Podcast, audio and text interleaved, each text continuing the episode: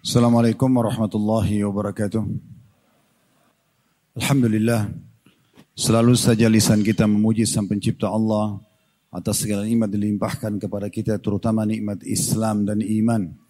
Karena dengan Islam dan iman kita jadi mengenal Tuhan kita Allah, siapa yang menciptakan, mengurus, merawat, mengatur, yang mengadakan dari awal dan yang akan memusnahkan semua yang di langit dan di bumi, kecuali Allah. Kita jadi mengenal siapa sang pencipta Allah, kita pun akhirnya mengetahui apa yang dia perintahkan, baik wajib ataupun sunnah sehingga kita amalkan, dan kita juga tahu apa yang ia larang, sehingga kita selamat dari ancaman dan hukumannya.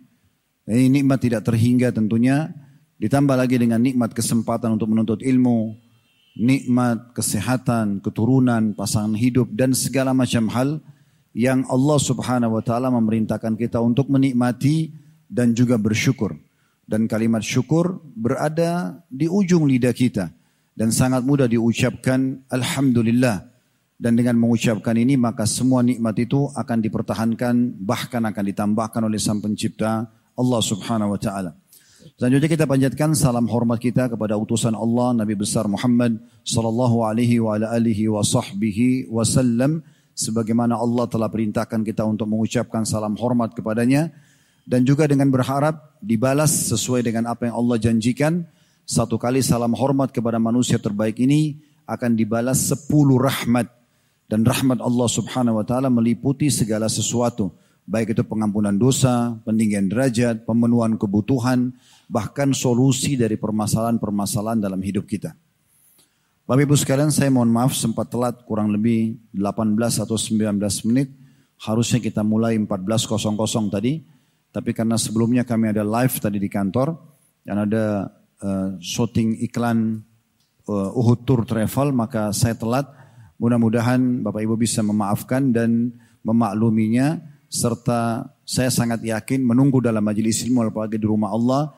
Akan tetap dicatat pahala oleh Allah subhanahu wa ta'ala. Baik kita akan masuk teman-teman sekalian pada kesempatan ini kajian tematik judulnya semangat dalam beribadah. Dalam hidup seorang muslim memang pondasinya harus selalu semangat. Islam menolak semua yang bertolak belakang dengan semangat seperti malas ya. Karena Nabi SAW berlindung dari sifat malas dan menyuruh kita berlindung dari sifat malas. Bahkan sebagian ulama mengkategorikan malas kalau sengaja dilakukan sehingga terbengkalai ibadah masuk dalam kategori dosa besar. Jadi nggak boleh dalam Islam. Yang ada adalah selalu semangat dalam hal-hal yang baik, hal-hal yang bisa mendatangkan balasan yang sempurna dari Sang Pencipta Allah Subhanahu wa taala. Baik itu dalam hal-hal yang diwajibkan ataupun yang disunnahkan. Wajib seperti sholat lima waktu misalnya, puasa Ramadan, zakat, haji bagi yang mampu, bakti sama orang tua, ya. dan yang lainnya, seperti juga menuntut ilmu di saat kita sekarang lakukan ini, ataupun yang disunnahkan dari sholat sunnah, puasa sunnah, sedekah, berdoa, berzikir, semuanya harus diisi dengan semangat. Atau yang berhubungan dengan masalah urusan duniawi kita. Semangat dalam aktivitas keseharian, selama bukan haram, kita dianjurkan untuk semangat untuk mencari nafkah, untuk mengejar yang terbaik dari urusan dunia kita, misalnya di kampus atau di sekolah, titel akademik tertinggi. Misalnya Bapak Ibu di kantor mengejar jabatan yang terbaik. Semua itu dibolehkan dan Allah rangkumkan dalam surah Al-Qasas surah nomor 28 ayat 77 wabtagi fima ataqallahu daral akhirah wa la tansa nasibaka minad dunya Kejarlah apa yang terbaik yang Allah janjikan di akhirat sana untuk kalian dan jangan lupakan bagian kalian dari dunia. Jadi orang muslim memang harus selalu semangat mengejar urusan akhiratnya dan urusan dunianya. Selalu mencari prestasi terbaik. Dan apa pun yang membuat atau bertolak belakang dengan semangat itu berarti sesuatu yang negatif dan dilarang dalam agama Islam. Semangat yang sedang kita bahas adalah semangat dalam beribadah atau semangat dalam mengerjakan hal-hal yang dibaik, diperbolehkan. Sebelum jauh membahas tentang dalil, contoh-contoh dari para salafus soleh berhubungan dengan masalah ini, perlu kita tahu teman-teman sekalian potensi semangat ini selalu ditunggangi oleh syaitan kepada orang-orang yang hatinya lemah, lemah secara keimanan agar semangatnya dipakai dalam maksiat. Bukankah orang-orang yang ingin melakukan perbuatan dosa misalnya berzina, dia ingin target berzina dengan seseorang lawan jenis misalnya. Atau dengan seorang pelacur wa naudzubillah. Kita akan temukan dia semangat untuk mengerjakan itu. Dia programkan. Dia siapkan baju terbaiknya, parfum terbaiknya, waktu terbaiknya, kendaraan terbaiknya, mungkin ucapan godaan yang terbaiknya, mungkin juga gerakan-gerakan terbaiknya. Semua dia lakukan dengan semangat untuk mencapai satu perbuatan dosa. Bukankah orang-orang yang mau mencuri semangat untuk mengatur strategi pencurian tersebut supaya dia berhasil? Rumah mana yang dia jadikan sebagai target, siapa yang dia jadikan sebagai target, jenis harta apa yang dia mau curi, waktu mana yang tepat, strategi apa yang membuat dia bisa selamat dari kerumunan massal misalnya atau kerumunan massa yang akan memergoki dia misalnya. Atau mungkin kalau dia ketangkap bagaimana dia bisa lepas dari jerat hukum. Dia semangat untuk melakukan perbuatan tersebut. Bukankah orang-orang kafir mereka pada saat keluar ke perang Badar, lokasi Badar, jauh sekali jaraknya. Di tahun 2 Hijriah, di tanggal 15 Ramadan, mereka keluar dengan seribu orang pasukan dari Mekah ke Badar. Ini jauh sekali. Jauh sekali lokasinya. Kalau sekarang ini Mekah ke Badar itu kalau saya tidak salah ya, sekitar mungkin tiga jam dengan kendaraan.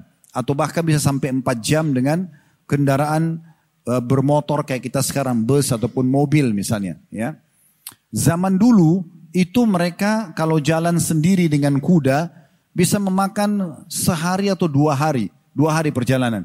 Kalau pasukan itu bisa tiga empat hari karena pasukan cukup besar. Tapi pasukan kafir Quraisy dengan semangatnya keluar dari Mekah untuk memerangi Allah dan Rasulnya, memerangi Islam. Mereka dengan semangat lakukan itu. Tapi semangatnya salah tempat. Ditunggangi oleh syaitan untuk justru memerangi kebenaran. Mereka keluar dari Mekah ke Madinah, jaraknya lebih jauh lagi. Bisa enam jam berkendaraan motor kayak kita sekarang. Mungkin bisa ya sepekan, lima enam hari baru bisa sampai dari Mekah ke Madinah kalau pasukan besar. Tapi mereka keluar di tanggal 16 Syawal tahun 3 Hijriah menuju ke Madinah di lokasi Uhud untuk memerangi muslimin. Mereka keluar di perang Khandak atau Ahzab di tahun 5 Hijriah dengan 10 ribu pasukan. Kalau di Badar seribu pasukan, di Uhud tiga ribu pasukan, di Khandak sepuluh ribu pasukan. Saking banyaknya gabungan suku-suku yang membenci Islam pada saat itu, Allah sebut dengan pasukan Ahzab. Jamak daripada hizib artinya kelompok-kelompok. Dan Allah namakan satu surah untuk mengenang peperangan itu dikenal dengan surah Al-Ahzab. Surah nomor 33 menceritakan bagaimana semangatnya mereka mengepung Madinah selama 43 hari hanya untuk memerangi muslimin. Walaupun mereka kalah. Tapi mereka semangat lakukan itu. Mereka semangat lakukan itu. Di perang Hunain, bagaimana suku Hawazim yang keluar dari Taif dengan 12 ribu pasukan, 10 ribu pasukan siap untuk memerangi muslimin. Yang akhirnya juga dimenangkan oleh muslimin. Ya. Begitu seterusnya, mereka semangat dalam melakukan perbuatan-perbuatan dosanya. Karena ditunggangi oleh syaitan. Oleh karena itu, kita sebagai orang yang beriman harusnya justru menggunakan potensi semangat yang sudah Allah kasih ini dan tadi di awal sudah saya jelaskan adalah bagian daripada agama kita untuk kita gunakan dalam hal-hal yang positif. Harus selalu semangat dalam ibadah, kebaikan-kebaikan, selalu tekan diri kita agar selalu semangat mengejar dari kebaikan kepada kebaikan yang lain. Dan ini tentu banyak sebabnya atau caranya, triknya untuk menuju ke sana. Yang pertama teman-teman sekalian agar kita semangat ini, kita harus cari tahu apakah memang dalam agama kita dianjurkan untuk semangat dalam mengejar ibadah ini? Jawabannya iya. Coba Anda lihat buka surah Al-Ankabut ayat terakhir dari surah Al-Ankabut.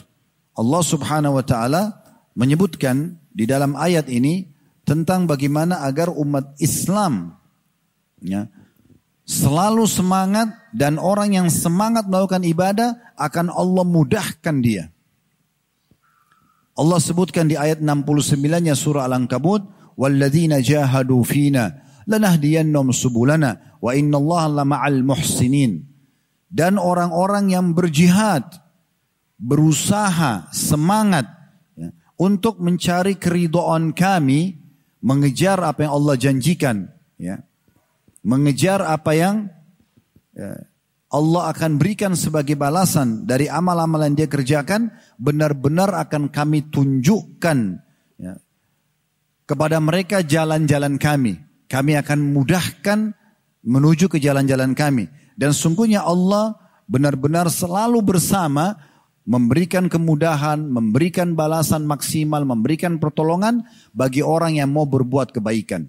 Ayat ini ayat yang sangat jelas dan gamblang tentang perintah agar setiap muslim semangat dalam mengerjakan kebaikan-kebaikan tersebut. Dan jangan pernah berikan celah syaitan untuk mengendorkan semangat kita dalam ibadah justru membuka semangat dalam pintu kemaksiatan. Karena syaitan itu lemah. Allah subhanahu wa ta'ala mengatakan dalam Al-Quran, Inna kaida syaitani kana dha'ifa. Sesungguhnya tipu daya syaitan itu sangat lemah. Bapak Ibu wajib hukumnya menghapus persepsi dari benak kita kalau syaitan itu kuat. Ya. Biasa kan ada orang bilang begitu ya. Kenapa anda buat dosa? Wah, godaan syaitannya kuat banget. Ini bohong, dia tipu dirinya sendiri. Kuat dari mana? Apakah syaitan menjelma depan mata kita lalu mencekik kalau kita tidak berzina? Atau kita dicambuk sama dia? Atau dia akan memenggal leher kita kalau kita tidak bermaksiat? Demi Allah dia tidak mampu. Dan Allah sudah bongkar dalam surah Ibrahim apa yang akan disampaikan oleh iblis nanti hari kiamat di neraka. Syaitan akan mengatakan ya Da'autukum fastajabtum li. Saya hanya membisikkan kalian. Kalian yang menjawab itu. Kalian yang sengaja menjawab panggilanku. Fala talumuni walumu anfusakum. Jangan kalian salahkan aku, salahkan diri kalian sendiri. Ma'ana bimusrikhikum wa ma'antum bimusrikhi. Saya tidak bisa selamatkan diriku dan saya juga tidak bisa selamatkan diri kalian. Ya. Jadi iblis hanya membisikkan, syaitan hanya membisikkan. Sebagai contoh, Anda semua hadir di sini. Masya Allah begitu banyak yang hadir, walaupun di siang hari mungkin banyak di antara kita masih beraktivitas, ataupun mau istirahat siang, tapi meluangkan waktu untuk datang. Saya yakin tadi pada saat Anda mau datang ke sini, ada saja godaan syaitan. Udahlah, tidak usah hadir. Oh, masih ada aktivitas yang ini dan itu. Tapi apa yang terjadi? Saya yakin teman-teman kada sudah menginjakkan kaki di masjid ini, berazam, bertekad dengan semangat. Tidak, saya mau dengar pengajian offline. Saya mau cari ilmu. Setan bisa buat apa? Enggak bisa buat apa. Dia kalau tidak bisa membuat seseorang muslim meninggalkan satu ibadah, maka minimal dia hanya mengendorkan semangatnya atau mengurangi kadar pahalanya. Tapi kita bisa melawannya. Oleh karena itu tidak ada alasan untuk tidak semangat. Tidak ada alasan. Jadi fahami poin pertama agar Anda selalu bisa semangat dalam ibadah. Kalau ini memang perintah Allah dan kalau kita sudah melangkah satu langkah saja, kayak tadi Anda sudah starter motornya, starter mobilnya, sudah coba jalan, maka dengan sendirinya Allah mudahkan sebagaimana tadi akhir surah Al-Ankabut. Anda kalau sudah daftar di travel, mau haji sama umrah, kalau Anda tetap berjalan, walaupun syaitan bisikin, maka Allah akan mudahkan perjalanannya. Begitu seterusnya, semuanya akan Allah mudahkan. Awalnya saja syaitan membuat kita malas. Di saat kita bangun tengah malam misalnya, kita digoda oleh syaitan. Sebagaimana kata Nabi SAW. Kalau seseorang di antara kalian bangun di tengah malam dalam hadis sahih, maka pendampingnya dari malaikat di sebelah kanannya akan mengatakan, bangunlah solatlah. Biasa kalau bapak ibu terkaget tengah malam, ada bisikan mau solat tahajud itu dari malaikat. Kita mau ikutin atau tidak itu tergantung keputusan kita pribadi. Tapi kata Nabi SAW nanti pendampingnya dari korin, pendamping dari syaitan akan mengatakan, tidurlah malam masih panjang. Jadi ah masih setengah empat, masih bisa tidur setengah jam. Kadang-kadang tinggal 10 menit subuh, udahlah tidur 5 menit, padahal kebablasan nantinya. Itu syaitan yang goda. Caranya gimana? Tolak saja. Tidak usah ikutin. Coba anda bangun, anda wudhu, anda sholat. Maka kalau kita sudah melangkah kamar mandi untuk wudhu, berat tapi lama-lama jadi ringan dan Allah akan mudahkan. Nah itu yang dimaksud dalam surah Langkabut tadi di ayat terakhirnya. Jadi bisa kita lakukan itu. Itu dari ayat Al-Quran surah Al-Ankabut. Kalau dari hadis Nabi SAW, beliau melarang, beliau menolak buat diri beliau sifat pesimis, putus asa, merasa tidak mampu, dan juga mengajak umatnya untuk menolak itu. Dan beliau mengatakan, aku sangat tidak menyukai pesimis. Wa uhibbul fa'la. Dan aku sangat suka dengan kalimat ya optimis, semangat. Saya bisa, saya mampu, saya akan lakukan, saya akan berusaha. Begitu orang Islam. Selama teman-teman sekalian nyawa belum dicabut ya, oleh Allah SWT, walaupun di akhir hidup tetap lakukan ibadah. Sudah pernah dengar Umar bin Khattab radhiyallahu anhu pada saat beliau sholat ditusuk oleh Abu Lu'lu dan tusukannya ini luar biasa. Di Eh, punggung sebelah kiri beliau atau sebelah kanan ditusuk ya dengan pisau yang sangat tajam sampai tembus ke depan. Waktu tabibnya mengecek, disuruh Umar bin Khattab minum susu keluar dari dua sisi susu itu karena lubangnya sangat dalam. Dan masa dulu tidak ada operasi kayak kita. Ini sudah bisa membawa pada kematian. Jadi saking parahnya lukanya sampai Umar bin Khattab pingsan. Waktu beliau pingsan, di sebelahnya ada Ali bin Abi Thalib yang pada saat itu tentu jadi sahabat dan penasihat beliau sekaligus mertuanya. Karena di akhir hidup Umar, Umar menikah dengan anaknya Ali bin Abi Thalib yang bernama Ummul Kalthum. Dan beliau meninggal di pangkuan Ummul Kalthum ini radhiyallahu anhu majma'in.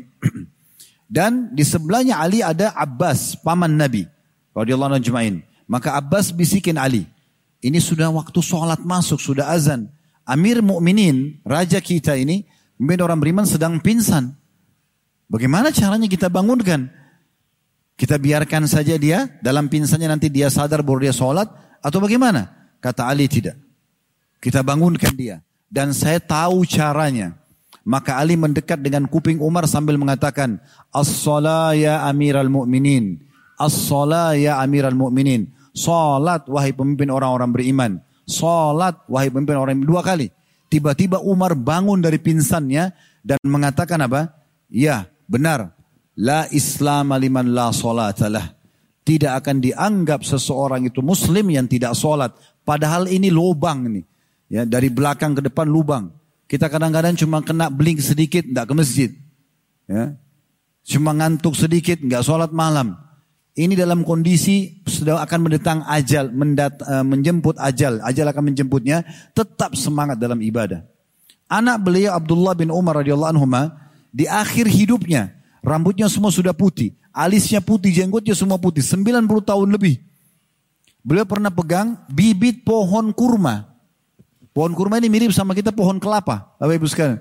Kalau ditanam dari kecil, bisa puluhan tahun baru berbuah. Lama sekali. Umurnya juga panjang, ratusan tahun.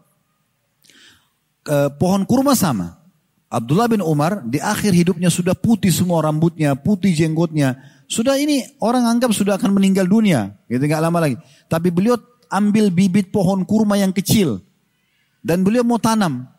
Waktu itu murid-muridnya datang lalu mengatakan, wahai Abdullah bin Umar, maaf kami mau bertanya, kira-kira kalau anda tanam pohon kurma ini, kapan anda ambil manfaatnya? Cuma mereka nggak mau enak, mereka nggak enak bilang anda ini sudah tua sekali, nanti mungkin meninggal sebelum berbuah. Mereka cuma mengatakan kapan akan anda ambil manfaatnya? Apa kata beliau dengan semangatnya ya?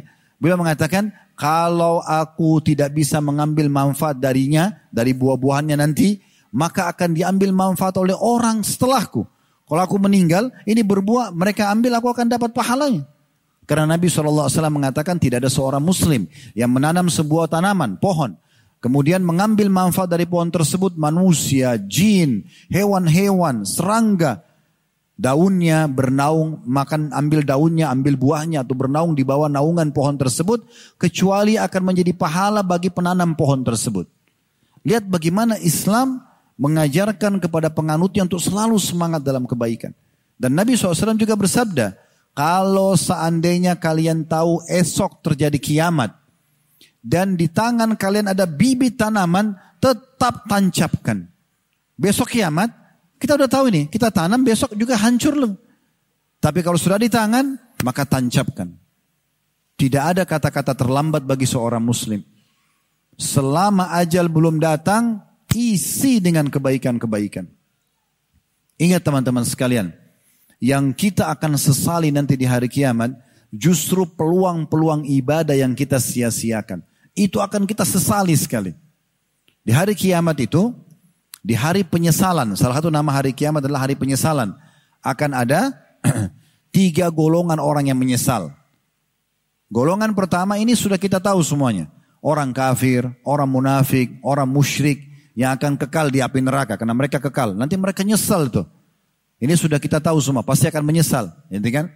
Dan Allah sebutkan dalam banyak ayat Al-Quran tentang penyesalan mereka. Golongan kedua, usatul mu'minin. Orang mukmin yang banyak dosanya. Orang mukmin yang banyak dosanya. Karena terlalu banyak dosanya, sampai timbangan dosa lebih berat daripada amal solehnya. Nah ini menyebabkan mereka harus masuk neraka dulu. Disiksa dulu. Allahu alam berapa lama disiksa. Di situ mereka menyesal. Coba dulu saya tobat ya. ya. Ini penyesalan yang terjadi. Makanya teman-teman kalau masih ada kesempatan. Saya punya judul ceramah di Youtube kalau teman-teman cari. Judulnya itu inilah hari emasmu. Setiap kali Allah kasih kesempatan kita hari seperti ini. Walaupun cuma satu hari. Anggap besok kita meninggal. Ini hari emas. Karena satu hari ini bisa kita tambah amal-amal soleh di buku amal kita dari apa yang sudah kita kerjakan yang lalu atau kalau kita punya dosa yang menyebabkan hukuman hari kiamat atau mampir ke neraka dulu bisa kita segera taubat kepada Allah Subhanahu wa taala. Ini kesempatan, Mas. Jadi kalau orang yang dosanya lebih banyak hari kiamat karena tidak taubat selama di dunia daripada amal solehnya juga nyesal akan masuk neraka dulu walaupun mereka keluar nanti masuk ke dalam surga. Ada golongan ketiga, ini yang perlu kita fokus yaitu penyesalan orang-orang beriman yang masuk ke dalam surga. Tapi banyak peluang derajat di surga yang dia bisa dapatkan kalau peluang amal soleh di dunia dia tidak sia-siakan. Misal, Bapak Ibu setiap malam kan selama hidup punya kesempatan sholat malam. Tapi selalu syaitan bisikin, kan cuman sunnah, kamu ngantuk, apalah seribu godaan syaitan. Dan kita selalu iyakan. Sehingga lewatlah 10 tahun, 20 tahun dari hidup kita, kita tidak pernah sholat malam. Ini teman-teman tidak dosa karena sunnah. Tetapi tetap akan menjadi penyebab penyesalan pada hari kiamat. Kita di akhirat sana nanti, di surga pada saat masuk, kita tahu sebenarnya nanti pada saat itu. Oh kalau selama 10 tahun itu saya sholat malam, walaupun cuma dua rakaat, derajat saya di sana loh, bukan di sini. Walaupun di sini sudah sangat bagus fasilitasnya. Apa kata Nabi SAW? Nanti kalian di surga, pada saat beliau lagi jalan dengan para sahabatnya dan langit malam hari lagi terang, bintang-bintang gemerlapan. Kata Nabi SAW, demi zat yang jiwaku dalam genggamai, maksudnya demi Allah, nanti kalian di istana surga kalian, seperti kalian di bumi ini melihat bintang-bintang itu. Artinya ada orang di surga derajatnya tinggi sekali. Kalian di bumi, itu mereka di, seperti di langit, di bintang-bintang itu. Jaraknya mungkin ribuan tahun. Cuma lihat cahaya yang bergelapan. Kata para sahabat ya Rasulullah, apa maksudnya kita sampai tidak tahu bagaimana istananya, bagaimana fasilitas kita tidak tahu karena jauhnya jaraknya. Tapi sama-sama di surga. Kata para sahabat ya Rasulullah, apakah itu istana para nabi-nabi? Kata Nabi SAW, tidak. Tapi istana yang Allah siapkan bagi orang-orang yang beriman kepada Allah dan para utusannya. Maksudnya orang-orang yang sibuk beramal saleh. Kalau ada peluang amal soleh yang Bapak Ibu sia-siakan, nyesel nanti hari kiamat. Dan yang uniknya, peluang ibadah ini kalau Bapak Ibu kendor tidak semangat, sekali luput, maka akan luput selamanya. Contoh. Tadi misalnya, di waktu sholat duhur, maaf kalau di sini teman-teman kebetulan contoh yang saya sebutkan tepat pada Anda ya. Karena saya tidak kenal Anda semua dan saya tidak tahu kalau tadi misalnya ada yang masbuk sholat. Misal tadi waktu duhur, ada orang masbuk sholat. dia telat satu rakaat. Sehingga di buku amalnya dicatat, sholat duhur di hari Kamis, di tanggal ini, ya dia telat satu rakaat. Tentu akan beda pahalanya dengan orang yang sholat dari awal waktu. Ya, karena mulai takbiratul ihram sama imam, imam Allahu Akbar, kita juga Allah Akbar, mulai malaikat catat pahalanya. Pahala gerakan, pahala bacaan, pahala doa akan dibaca. Orang yang masbuk satu rakaat, dia kehilangan peluang itu dari awal waktu itu. Dia mulai dicatat pahala di rakaat kedua yang dia ikut sama imam. Kalau salam, dia kan harus tambah satu rakaat. Itu nggak dihitung berjamaah. Itu dihitung sholat sendiri. Berarti sholat duhurnya yang empat rakaat, tiga rakaat dia dapat berjamaah, satu rakaat dihitung sholat sendiri. Pahala sendiri. Berarti beda dengan orang yang ikut berjamaah empat rakaat kan? Bayangkan Bapak Ibu sekalian, ini yang harus difahami. Orang ini, walaupun dia nyesal, biar dia menangis darah, tidak akan pernah dia bisa kembali ya meminta pada imam atau minta kepada Allah kembalikan waktu karena saya ingin ikut dari awal takbiratul ihram pertama imam. Gak bisa lagi. Selamanya akan dicatat dia masbuk pada saat itu. Maka jangan sia-siakan. Ya, jangan terus terlalaikan. Harus semangat mencari mana yang terbaik. Bagi bapak-bapak sebelum azan sudah ke masjid. Selalu di sab pertama selalu tidak ketinggalan takbiratul ihram pertama imam. Itu harus menjadi target. Para salafus soleh, teman-teman sekalian, menjadikan ini sebagai semangat mereka. Ya. Anda bisa lihat misalnya, ya, dinukil oleh para ulama tentang bagaimana para ulama salaf menjaga. Ada Waqi ibn al-Jarrah menukil tentang Al-A'mash. Al-A'mash ini namanya Sulaiman ibn Mahran salah satu gurunya Imam Bukhari. Ya, guru yang kesekian di jalur sanad hadis, terkenal dengan kesolehannya. Waki ini menceritakan Al-A'mash itu selama kurang lebih 70 tahun tidak pernah luput dari takbiratul ihram. 70 tahun Imam Allah Akbar dia Allah Akbar di belakangnya. Tidak pernah ketinggalan satu kali pun. Karena semua bisikan syaitan mengendorkan semangat dia untuk mengejar, dilawan. Ya, Bagaimana caranya supaya tidak telat? Jangan telat datang. Jangan azan baru udu, telat nanti. Dan sekali telat takbiratul ihram tidak bisa diperbaikin. Gak bisa, selamanya. Itu kerugian. Dan sudah cukup membedakan derajat kita sama orang yang datang dari awal waktu tadi. Makanya Nabi SAW memotivasi kita dalam hadis beliau yang masyhur, siapa yang tidak ketinggalan takbiratul ihram, imam selama 40 hari. 40 hari ini programkan walaupun cuma sekali seumur hidup Bapak Ibu. Setuturan Bapak-Bapak ya. Walaupun sekali seumur hidup. Kalau bisa selamanya bagus. Kayak tadi Al-Amas 70 tahun tidak pernah ketinggalan. Subuh, duhur, asar, maghrib, isya. Imam Allah Akbar, dia Allah Akbar di belakangnya. Tapi Nabi SAW bilang apa? Siapa yang tidak ketinggalan takbiratul ihram, takbiratul ihram imam 40 hari. Lima waktu sholat ya. Subuh, duhur, asar, maghrib, isya hari pertama. Hari kedua, hari ketiga. Ini kurang lebih kurang lebih lah satu bulan setengah. Satu bulan 30 hari, ya, kemudian tambah 10 hari lagi. Sebulan setengah atau kurang sedikit. Itu non-stop bapak-bapak terutama azan sudah di masjid. Imam Allah Akbar, Anda juga Allah Akbar. Apa jaminannya? Kata Nabi SAW, dia akan dijamin dari kemunafikan. Ya. Selamat dari kemunafikan. Dan dia juga akan bersih dosa-dosanya. Dan ini motivasinya. Disebutkan sebuah dinukil dari seseorang juga Al-Qadi Taqiyuddin Sulaiman bin Hamzah Al-Maqdisi rahimahullah. Beliau berkata, aku tidaklah pernah sholat fardu sendirian kecuali dua kali. Dan ketika aku sholat sendirian, aku merasa seakan-akan aku tidak sholat. Jadi umurnya beliau puluhan tahun. Di atas 80 tahun, selama mulai dari balik sampai akhir hidupnya itu hanya dua kali tidak sholat dengan imam. Itu pun karena ada uzur syar'i. Ya. Selebihnya semua dengan imam.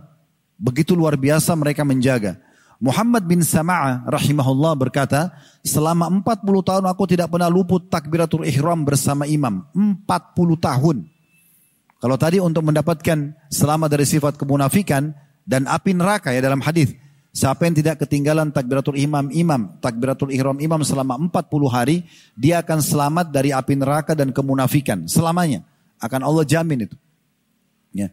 Ini dia tidak pernah ketinggalan imam takbiratul ihram pertama imam 40 tahun.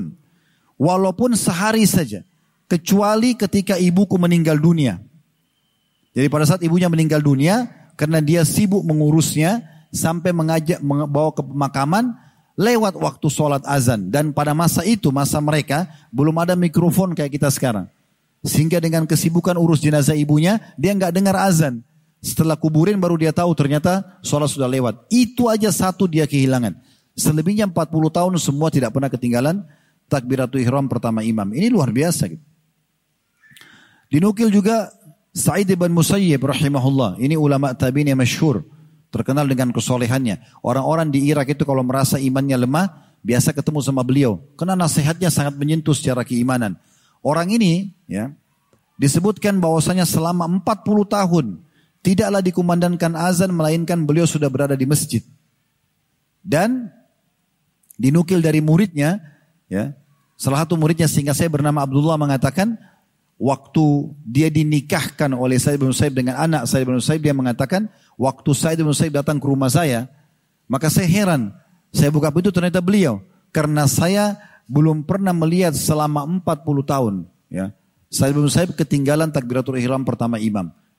Dan itu pun beliau mengatakan tentang dirinya, Said bin Musaib mengatakan rahimahullah, saya tidak pernah ketinggalan takbiratul ihram pertama imam 40 tahun dan saya tidak pernah sholat kecuali di belakang imam. Maksudnya saat pertama. Ash-Shu'bi juga seorang ulama tabi'in yang masyhur beliau mengatakan, semenjak aku masuk Islam, belum pernah aku dengarkan azan kecuali aku sudah wudhu dan sudah siap langsung mengerjakan sholat. Nah, ini menandakan mereka sangat menjaganya. Dan ulama-ulama di masa-masa kita pun seperti dinukil dari Syekh bin Bas, ya, bagaimana beliau sangat terkenal. Ya, walaupun Syekh bin Bas itu matanya buta, tapi beliau tidak pernah ketinggalan takbiratul ihram pertama imam. Dan juga tidak pernah ketinggalan sholat malam dinukil dari anak beliau yang bernama Ahmad.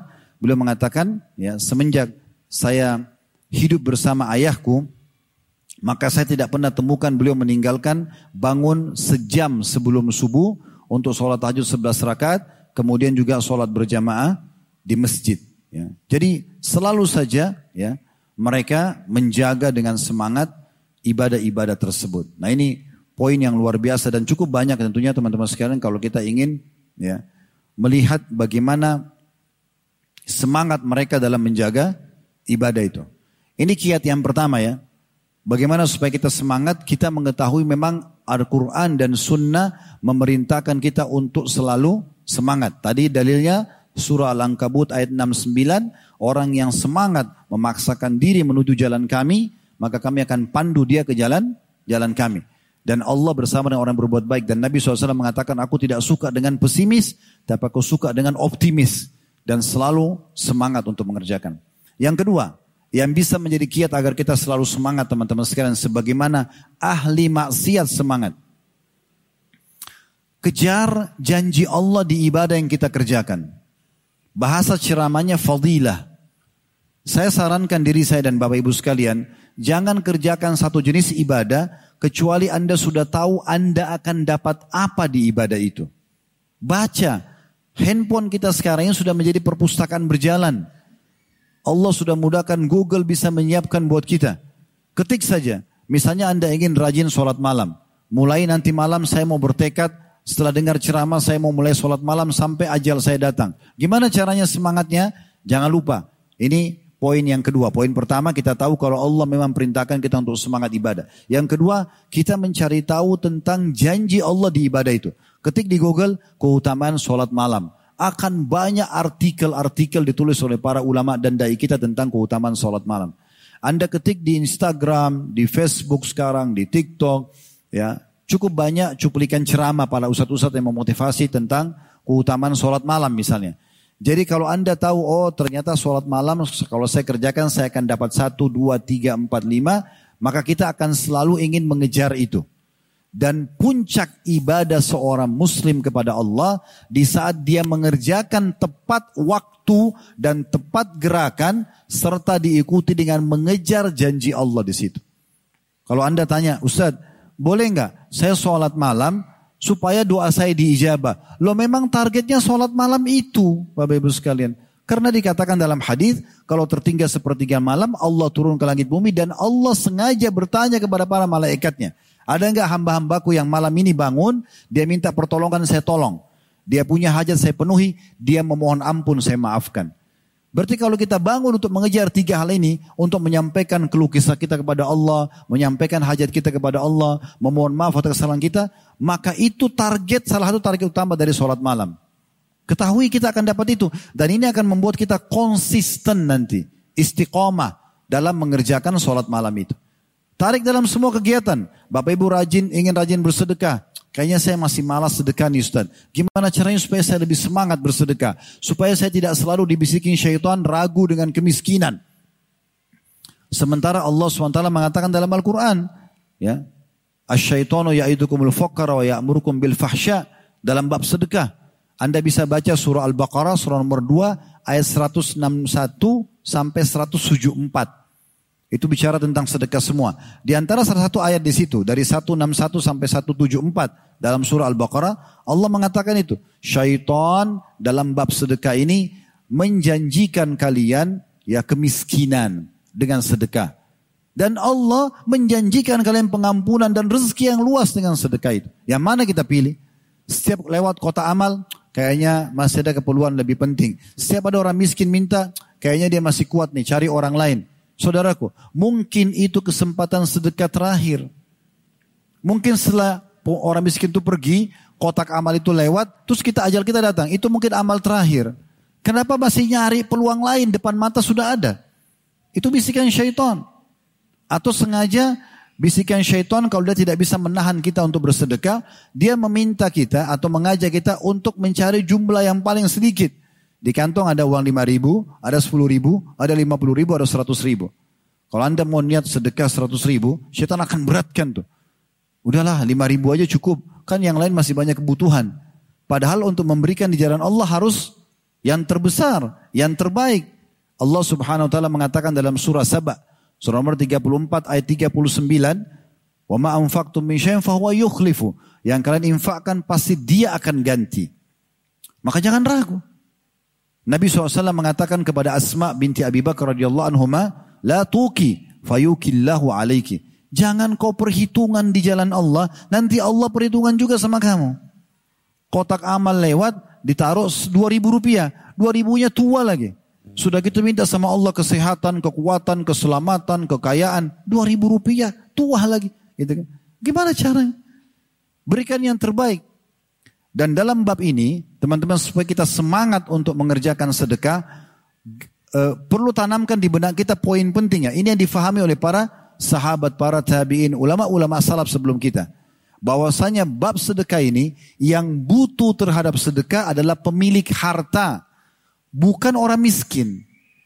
Yang butuh dengan sedekah justru kita pemilik harta. Kalau tidak ada orang yang bisa kita sedekahkan, kita dapat pahala sedekah di mana? Justru kita yang butuh. Orang miskin yang kita kasih 50 ribu atau 100 ribu cuma dipakai untuk kebutuhan hajatnya. Tapi nilai 50 ribu atau 100 ribu yang kita sedekahkan itu karena perantara orang miskin tersebut akan dibawa timbangan amal kita hari kiamat. Makanya Sa'id bin Musayyib rahimahullah, seorang ulama tabi dan tadi sempat kita sebutkan kisahnya 40 tahun tidak pernah ketinggalan takbiratul ihram imam. Beliau teman-teman sekalian pada saat uh, membungkus ya. Sedekahnya lalu kemudian beliau bagi-bagi kepada orang miskin habis itu beliau senyum lebar.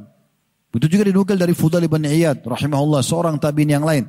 Mereka senyum lalu mengatakan lihatlah lihatlah sambil tunjuk orang miskin itu. Lihat orang-orang ini membawa amal kami ketimbangan amal kami tanpa diupah sedikit pun.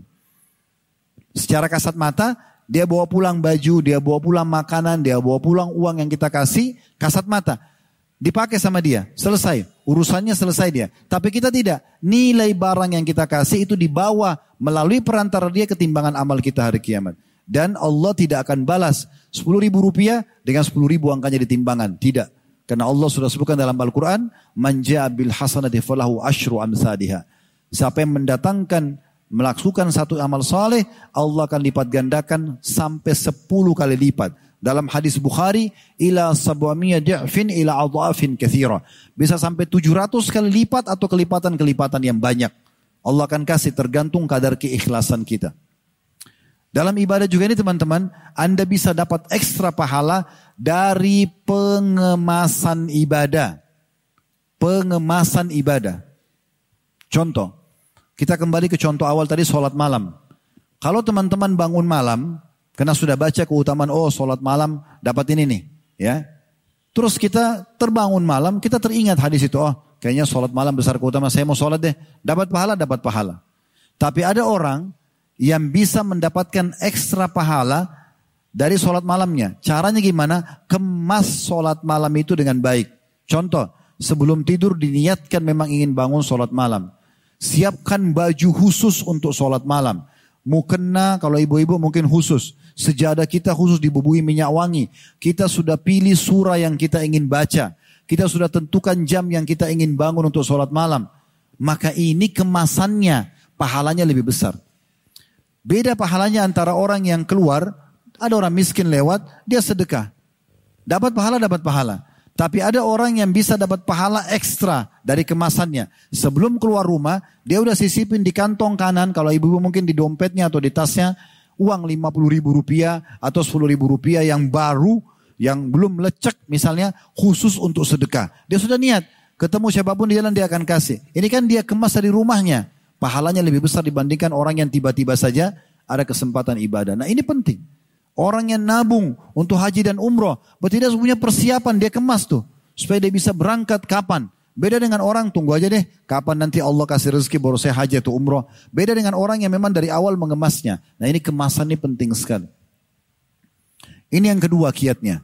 Jadi teman-teman sekalian yang pertama ketahui memang Allah dan Rasul yang perintahkan kita untuk selalu semangat dan malas yang disengaja terutama meninggalkan ibadah bagian daripada dosa. Kemudian yang kedua cari tahu tentang keutamaan ibadah yang ingin kita kerjakan. Tadi baru dua yang kita kasih contoh, baru sholat malam dengan sedekah. Tapi semuanya, ingin bakti sama orang tua, ingin rajin berdoa, ingin rajin berzikir, ingin rajin ibadah apa pun, baca Quran misalnya atau hafal Quran, baca cari keutamaannya. Sebagaimana kalau Bapak Ibu punya satu pelanggaran ibadah, satu pelanggaran agama, atau lebih dari satu. Misalnya ada orang terbiasa bohong, orang terbiasa zina, orang terbiasa judi. Bagaimana caranya dia meninggalkan? Maka dia mencari tahu tentang ancaman Allah di dosa itu. Ketik ancaman di Google, ancaman orang berbohong. Di YouTube misalnya ceramah, ancaman orang berbohong. Nanti dengan dia dengar atau dia baca, dari ayat, dari hadis membuat dia, oh ternyata saya diancam ini, dia bisa meninggalkan. Yang ketiga teman-teman sekalian, yang bisa menjadi ya motivator kita untuk selalu semangat adalah teman-teman yang baik, komunitas yang baik. Ini penting sekali ya. Bagaimana kita selalu bersama dengan orang-orang yang lebih baik imannya daripada kita. Dan ini dicontohkan oleh Nabi Shallallahu Alaihi Wasallam. Waktu beliau hijrah ke Madinah sebagai pondasi dasar negara Islam di Madinah, beliau melakukan tiga perbuatan penting. Ini pondasi dasarnya. Dan setiap muslim harusnya bisa menjadikan sebagai pondasi dia berpijak di mana pun dia tinggal. Yang pertama Nabi SAW membangun masjid. Masjid Kuba dan Masjid Nabawi. Supaya ada tempat ibadah buat umat Islam. Jadi kalau Anda berada di satu kota, satu desa dan Alhamdulillah kita syukuri di negara kita ini tidak asing sering ada masjid agung, masjid jame, masjid raya, apalah namanya yang merupakan simbol kota itu. Ya, Ini cukup bagus, ini sangat bagus. Tapi kalau Anda misalnya uh, punya perusahaan, bisa Anda buat musola atau masjid kecil untuk karyawan Anda misalnya. ya yang bisa mereka aktivitas-aktivitas sholat. Mungkin di rumah ada tempat khusus Anda khususkan sholat buat Anda sama keluarga. Sholat malam, sholat sunnah. Nah ini penting. Ini yang Nabi SAW contohkan pertama.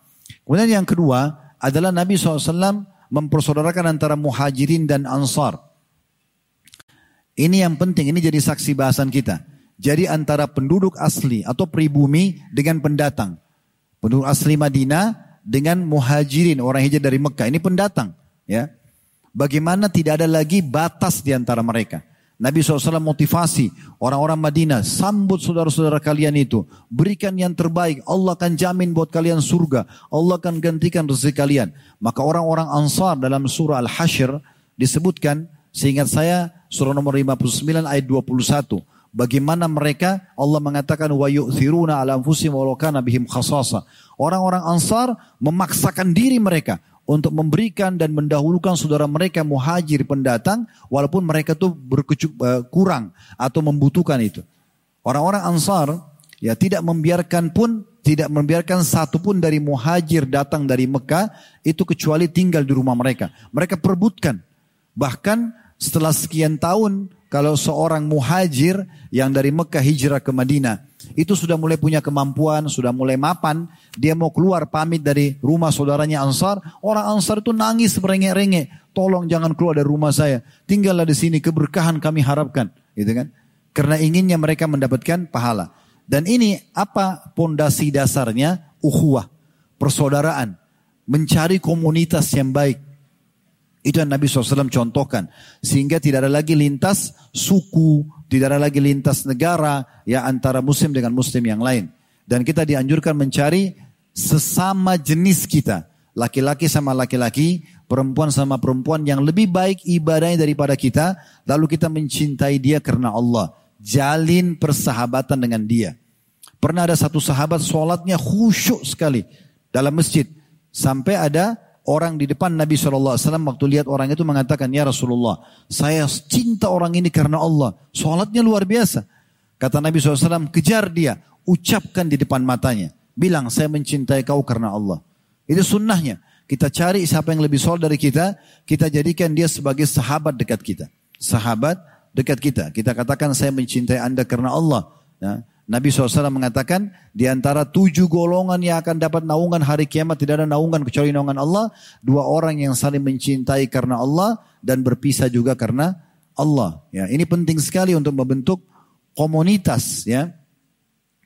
Dan ingat sabda Nabi, karena kalau kita nanti teman-teman sekalian berteman dengan orang-orang yang lebih baik ibadahnya, pasti kita akan terpengaruh. Dia lebih rajin, dia sholat malam, kita tidak pernah sholat malam. Dia hadir setiap hari majelis semua, mungkin kita cuma seminggu sekali. Nanti kita akan terpengaruh dengan dia, itu tujuannya. Sebagaimana kita kalau berteman dengan ahli maksiat, kita juga bisa terpengaruh. Ya, kita berteman sama pengangguran, kita juga ikut. Memang begitu manusia. Kita berteman dengan pemabuk, maka hari pertama, hari kedua kita tidak mabuk, tapi hari ketiga kita sudah terbiasa cium baunya.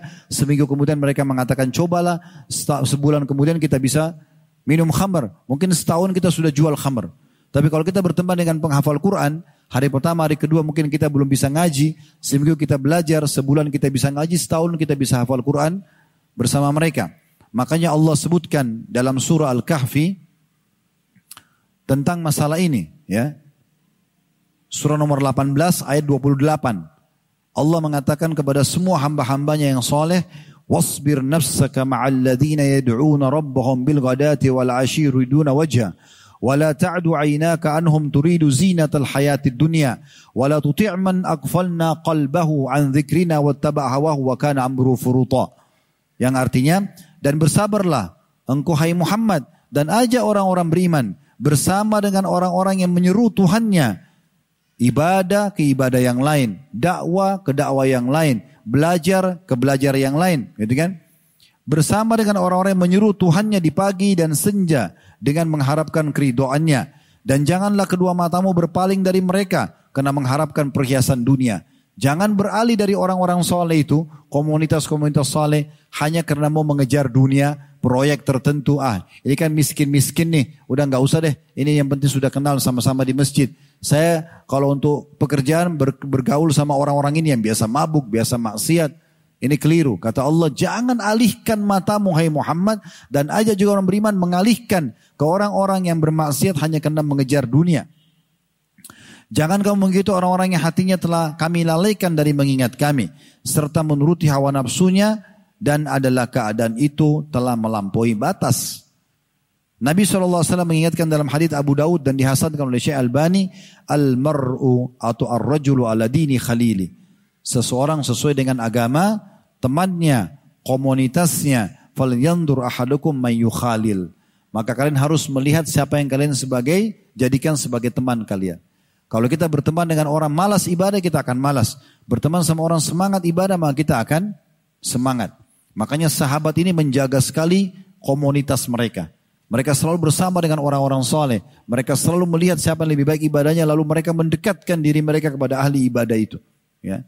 Sampai-sampai sahabat-sahabat Nabi teman-teman sekalian, itu kalau seseorang di antara mereka mau berpisah, mau berpisah ya, kayak misalnya habis sholat subuh, atau duhur, atau asar, atau maghrib, atau isya, salah satu dari waktu sholat ini, bertemu nih, mungkin bapak ibu sudah tetangga sama bapak yang sebelahnya, sudah sering ketemu, tapi para sahabat yang mereka lakukan kalau baru mau pisah, habis sholat asar misalnya sebentar. Habis sholat asar mau berpisah masing-masing ke rumahnya. Mereka tidak pernah berpisah kecuali mereka saling berwasiat satu sama yang lain. Walaupun hanya membaca surah Al-Asr. Mereka mengatakan apa dalam riwayat? Ta'al nu'minu sa'ah. Ayo kita tambah iman kita sesaat yuk. Maka walaupun baca surah Al-Asr. Bismillahirrahmanirrahim. Wal asr. Demi masa hidup kalian di dunia. Innal insana lafi khusr. Manusia banyak sekali dalam keadaan rugi, menyesal di dunia dan di akhirat nanti menyesal mereka. Ya. Illa ladina amanu wa amilu salihat. Kecuali orang yang sibuk beriman dan beramal saleh. Wa bil haq saling mewasiatkan kebenaran ini. Wa bis sabr saling mewasiatkan agar bersabar dalam mempertahankan amal soleh sampai ajal datang. Walaupun cuma baca surah Al-Asr, baru mereka pisah, tidak ada masalah. Tapi begitu orang soleh sama orang soleh yang lain. Orang soleh sama soleh mereka pasti akan saling mengingatkan. Kalau kita lagi buat salah, diingatkan sama dia. Jangan loh, itu nggak boleh dalam agama. Diingatkan. Tapi kalau teman-teman yang fajir, yang jauh dari agama, dia biarkan aja. Bahkan dia menyebabkan kita untuk berbuat maksiat kepada Allah subhanahu wa ta'ala. Saya mengajak teman-teman sekalian, coba buka surah As-Saffat. Ya. Kita baca ayat 51-nya. Surah As-Saffat ayat 51 dan beberapa ayat setelahnya. Baik surah As-Saffat surah nomor 30 ayat 51. Perhatikan Allah menggambarkan bagaimana ini luar biasa ya. Allah bocorkan buat kita di dunia apa yang terjadi nanti di akhirat. Bagaimana nanti di neraka, di surga ada nanti orang masuk surga dan semoga insya Allah kita termasuk ini. Nanti ngobrol sama teman-teman yang sama-sama di surga mengingat ada satu temannya dulu di dunia yang selalu mengajak pada keburukan. Perhatikan, kita dengarkan di sini Allah berfirman, menceritakan buat kita yang akan terjadi nanti. Ini mujizat Al-Quran. Al-Quran itu menceritakan tentang umat sebelum kita supaya ambil pelajaran hukum-hukum yang harus kita jalankan semasa hidup dan apa yang nanti akan terjadi di akhirat sana. Sampai kehidupan yang jauh ke depan kita sudah diberitahukan. Di ayat 51 bunyinya, Qala qailum minhum inni kana li qarin. Salah satu dari ahli surga itu akan berkata, sungguh dahulu di dunia aku mempunyai seorang teman. Karena nanti kalau kita di surga teman-teman kita akan mengenang tuh. Ingat gak dulu kita di masjid bulak rantai itu pada duduk. Ingat gak pernah kita ke taklim ini. Ingat gak pernah kita buka puasa orang sama-sama. Itu semua akan kita lihat historinya. Kita akan mengenang semua kebaikan itu nanti. Saling bercerita. Nah ini salah satu yang ceritakan ahli surga akan bicara sesama terus dia bilang, Oh, saya ingat dulu di dunia saya punya teman satu loh. Lalu ayat lima duanya, Yaqulu inna kalaminal musaddiqin. Temanku itu suka bilang, ini ahli surga cerita sama ahli surga yang lain. Temanku itu suka bilang waktu di dunia, apakah kamu sungguh-sungguh termasuk orang yang membenarkan hari kebangkitan? Kok ini percaya akhirat? Percaya ada azab kubur, ada hari kebangkitan, tema amal, ada surga neraka. Kau percaya itu? Lihat di situ dikasih tanda tanya.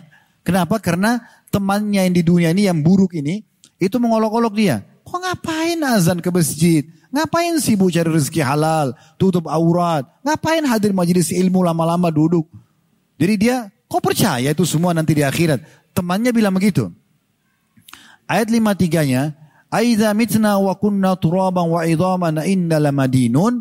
Orang-orang yang teman buruk ini berkata pada orang yang baik ini, apakah bila kita nanti mati dan kita telah menjadi tanah masuk ke kuburan dan tulang belulang, kan orang kalau sudah dikubur sekian tahun kan otot uratnya semua kan habis dimakan tanah, tinggal tulang belulang, ya. Apakah sesungguhnya kita benar-benar akan dibangkitkan dan diberi balasan?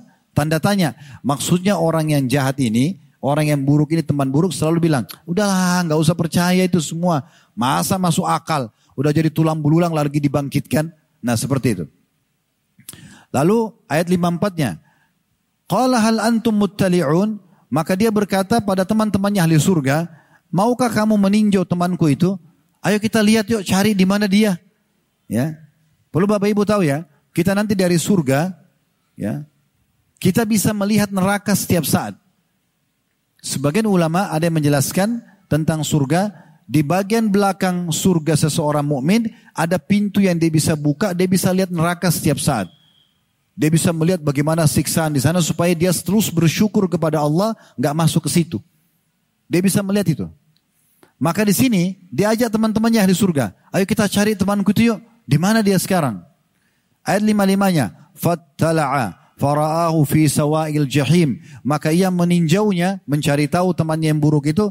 Lalu dia melihat temannya itu di tengah-tengah neraka. Yang menyala-nyala, sedang disiksa yang ajak-ajak dia, yang olok-olok di dunia, kau percaya itu kematian nanti ada kebangkitan? Kau percaya itu kalau sholat dikasih balasan? Percaya itu orang kalau zina akan dihukum? Dia olok-olok itu. Maka waktu dilihat nanti di hari kiamat didapat dalam neraka orang itu. Ayat 56-nya. Ahli surga ini akan bicara sama temannya ahli neraka itu. Allah sudah bocorin buat kita di sini. Kata Allah, Qalat Allahi in kita laturdin. Ia berkata pada temannya di neraka itu, demi Allah, sesungguhnya kau benar-benar hampir mencelakakanku. Yang ahli surga ini bilang sama temannya masuk neraka, kau hampir celakakan saya dulu nih. Kalau saya ikutin ucapanmu dulu nggak percaya tentang kuburan, nggak percaya tentang hari kebangkitan, saya sama kamu di neraka nih. Ayat 57-nya, ahli surga ini mengatakan, "Walaula ni'matu rabbi lakuntu minal muhdarin." Jikalau bukan karena nikmat Tuhanku, Allah selamatkan aku dengan keimanan, dengan komunitas yang baik, pastilah aku termasuk orang-orang yang diseret ke neraka. Sama dengan kamu nih. Lalu ayat 58-nya, "Afamanahnu bimayyitin?" Maka apakah kita tidak akan mati? Ya. Maksudnya ahli surga ini mengatakan, kami juga mati sebagaimana kau mati. Tapi ayat 59-nya illa mautatan al-ula wa ma nahnu.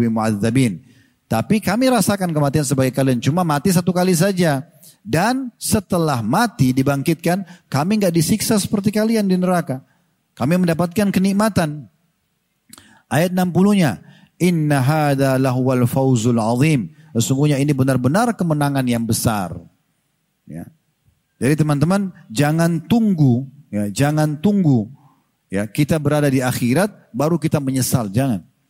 Mumpung kita masih diberikan kesempatan. Demi Allah teman-teman sekalian, kalau di detik ini ada orang carilah mungkin kuburan terdekat di bulak rantai ini misalnya ada kuburan di mana, Anda mungkin lebih tahu teman-teman yang tinggal sekitar sini.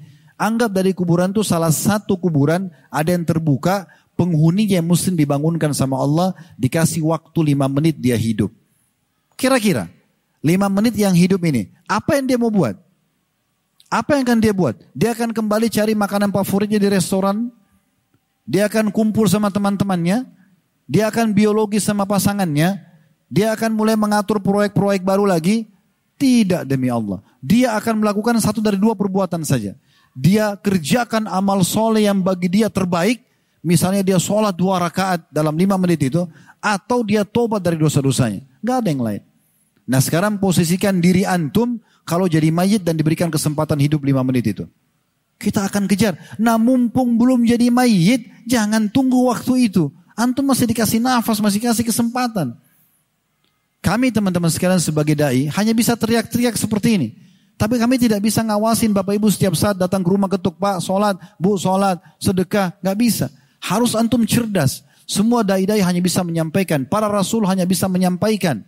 Tugas kita mendengar, tanamkan dalam hati, praktikkan dalam kehidupan. Orang yang cerdas, dengar ilmu, amalkan. Karena ilmu itu kita butuh, itu kendaraan kita menuju kepada yang terbaik di akhirat. Ilmu itu ibarat bodyguard, penjaga kita. Kita kalau sudah punya ilmu, tahu mana halal haram, ini jadi kayak bodyguard. Kita mau makan, kita mau minum, mau bekerja, mau apa saja, maka ilmu akan mengatakan, itu boleh, ini nggak boleh. Jadi pengawas kita. Itu bagus sekali. Gitu kan? Nah ini penting teman-teman sekalian. Baik, ini yang ketiga ya. Kalau kita ingin bicara tentang masalah ini banyak sekali. Kemudian yang keempat, jalankan sunnah Nabi SAW supaya kita bisa semangat dalam ibadah, sering menziarahi kubur dan mengingat kematian. Sering menziarahi kubur. Jadi usahakan dalam sehari atau sepekan lah paling tidak, Anda pernah ziarah kubur. Nabi SAW dalam satu pekan itu bisa menziarahi kubur beberapa kali. Kuburan dekat rumah beliau namanya Baki, kuburan para sahabat. Dan ziarah kubur ini tidak harus Anda masuk ke dalam, berdiri di atas kuburan tertentu. Walaupun di pintu gerbangnya saja. Saksikan, lihat dengan mata kepala kuburan itu. Ya. Dan ingat, di dalam kuburan itu ada orang-orang yang mungkin lebih tampan dari kita bagi laki-laki, lebih cantik dari kalau dia perempuan, lebih pintar, lebih kaya, lebih segala-gala. Tapi sudah jadi tulang belulang. Dan kita tinggal tunggu waktu menyusul mereka. Demi Allah tidak ada orang yang kekal. Allah berfirman tentang Nabi Muhammad SAW, Inna kamayyitun wa innahum mayyitun. Hai Muhammad, kau pasti mati. Nabi Muhammad pasti mati. Dan mereka semua akan mati.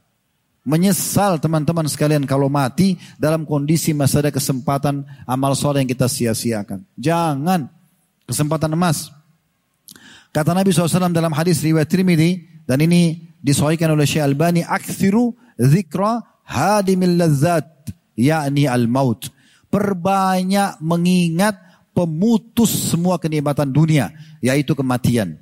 Bukan berarti Bapak Ibu, oh kalau gitu saya nggak usah pikirin kerjaan, nggak usah pikirin pendapatan. Enggak, bukan begitu. Jangan buka pintu dosa, sibuk dengan yang wajib ataupun sunnah. Minimal mubah. Tapi itu pun jangan berlebihan dalam masalah mubah. Pintu dosa tutup aja. Lalu ingat kematian supaya kita termotivasi selalu beribadah. Hasan Basri rahimahullah, beliau pernah mengantar jenazah sambil berzikir.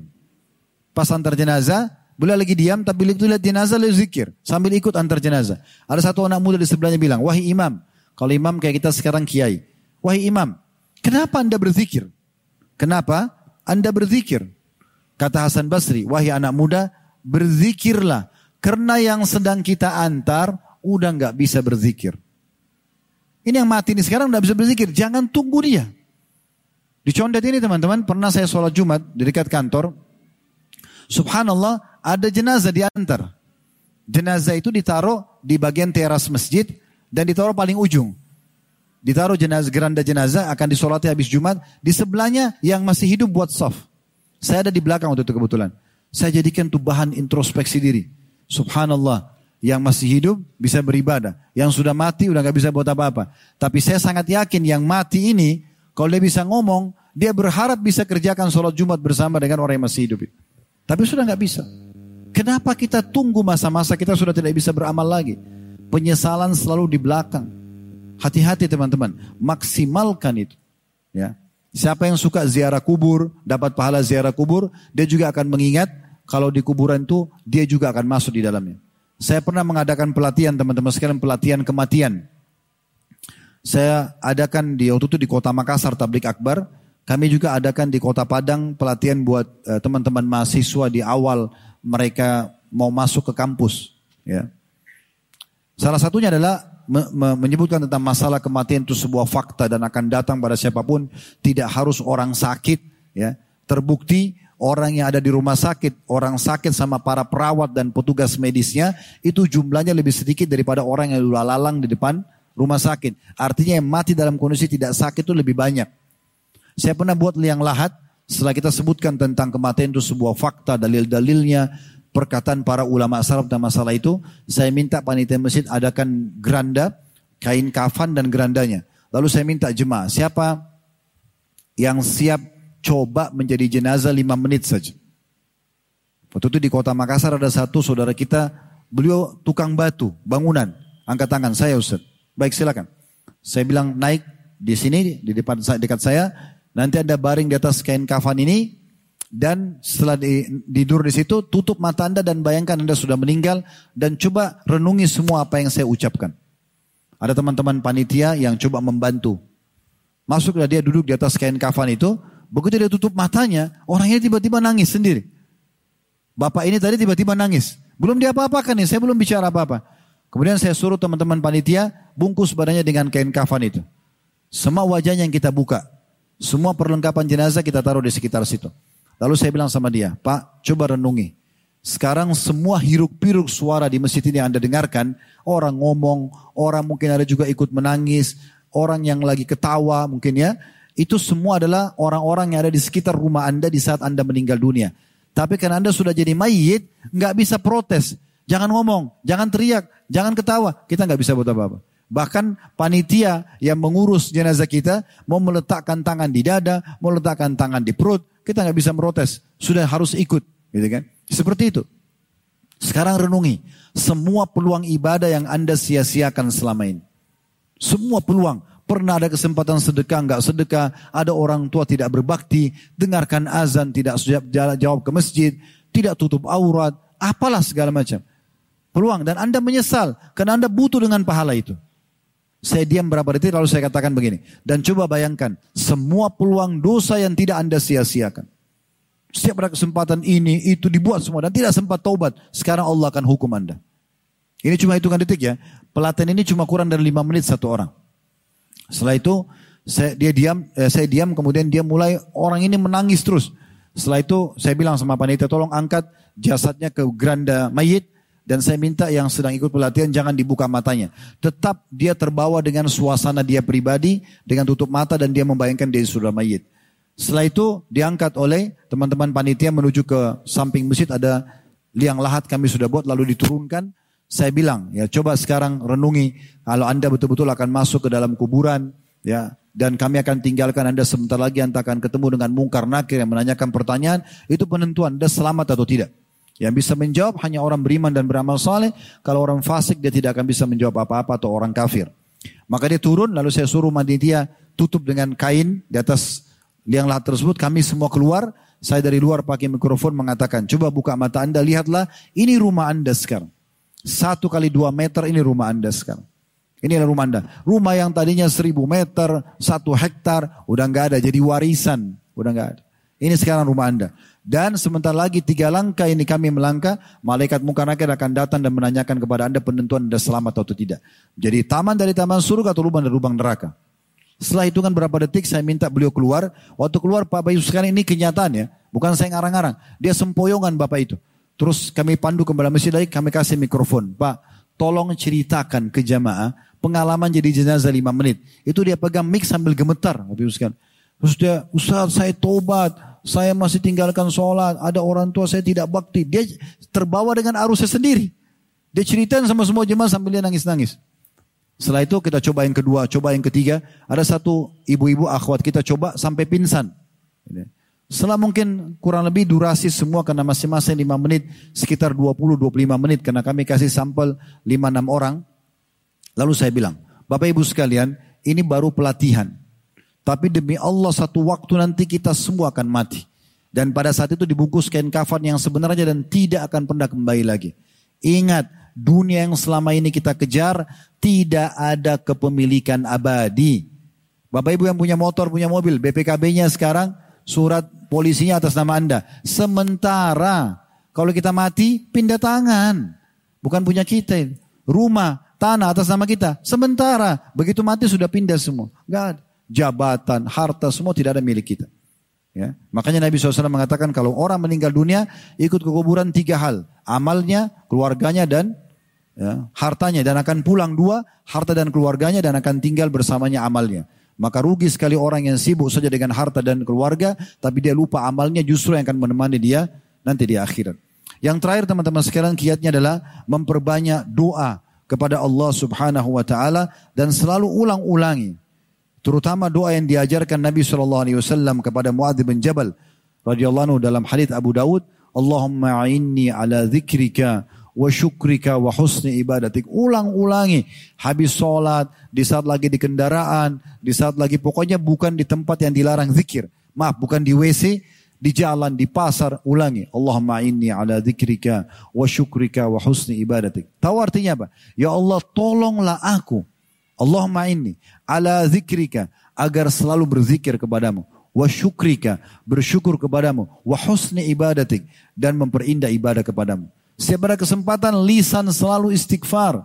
Kata para sahabat di antaranya Anas radhiyallahu anhu, kami menghitung Nabi SAW dalam satu majlisnya beristighfar kepada Allah 70 sampai 100 kali. Dalam riwayat lain Nabi selalu mengatakan Rabbi gifirli wa tub alayya, Rabbi gifirli wa tub alayya. Sambil ngomong sama temannya, ada jeda sedikit beliau selipin Rabbi gifirli wa tub alayya. Sampai 70 kali dalam satu majelis. Karena selalu coba beramal soleh. Dan para salafus soleh mengatakan perbanyak istighfar, perbanyak zikir, perbanyak ibadah. Karena orang yang menemukan di setiap dua jeng, dua lemba, dua baris dari buku amalnya amal-amal soleh termasuk istighfar dan amal-amal yang lainnya, maka dia akan sangat gembira nanti pada hari kiamat. Ingat, peluang hanya sekali, tidak bisa terulang lagi. Untuk beramal soleh dan jangan sia-siakan. Mumpung Allah memberikan umur kepada kita semuanya. Allahu alam. Kalau benar dari Allah, kalau salah dari saya mohon dimaafkan. Subhanakallah bihamdika. Asyhadu an la ilaha illa anta astaghfiruka wa atubu ilaik. Wassalamualaikum warahmatullahi wabarakatuh.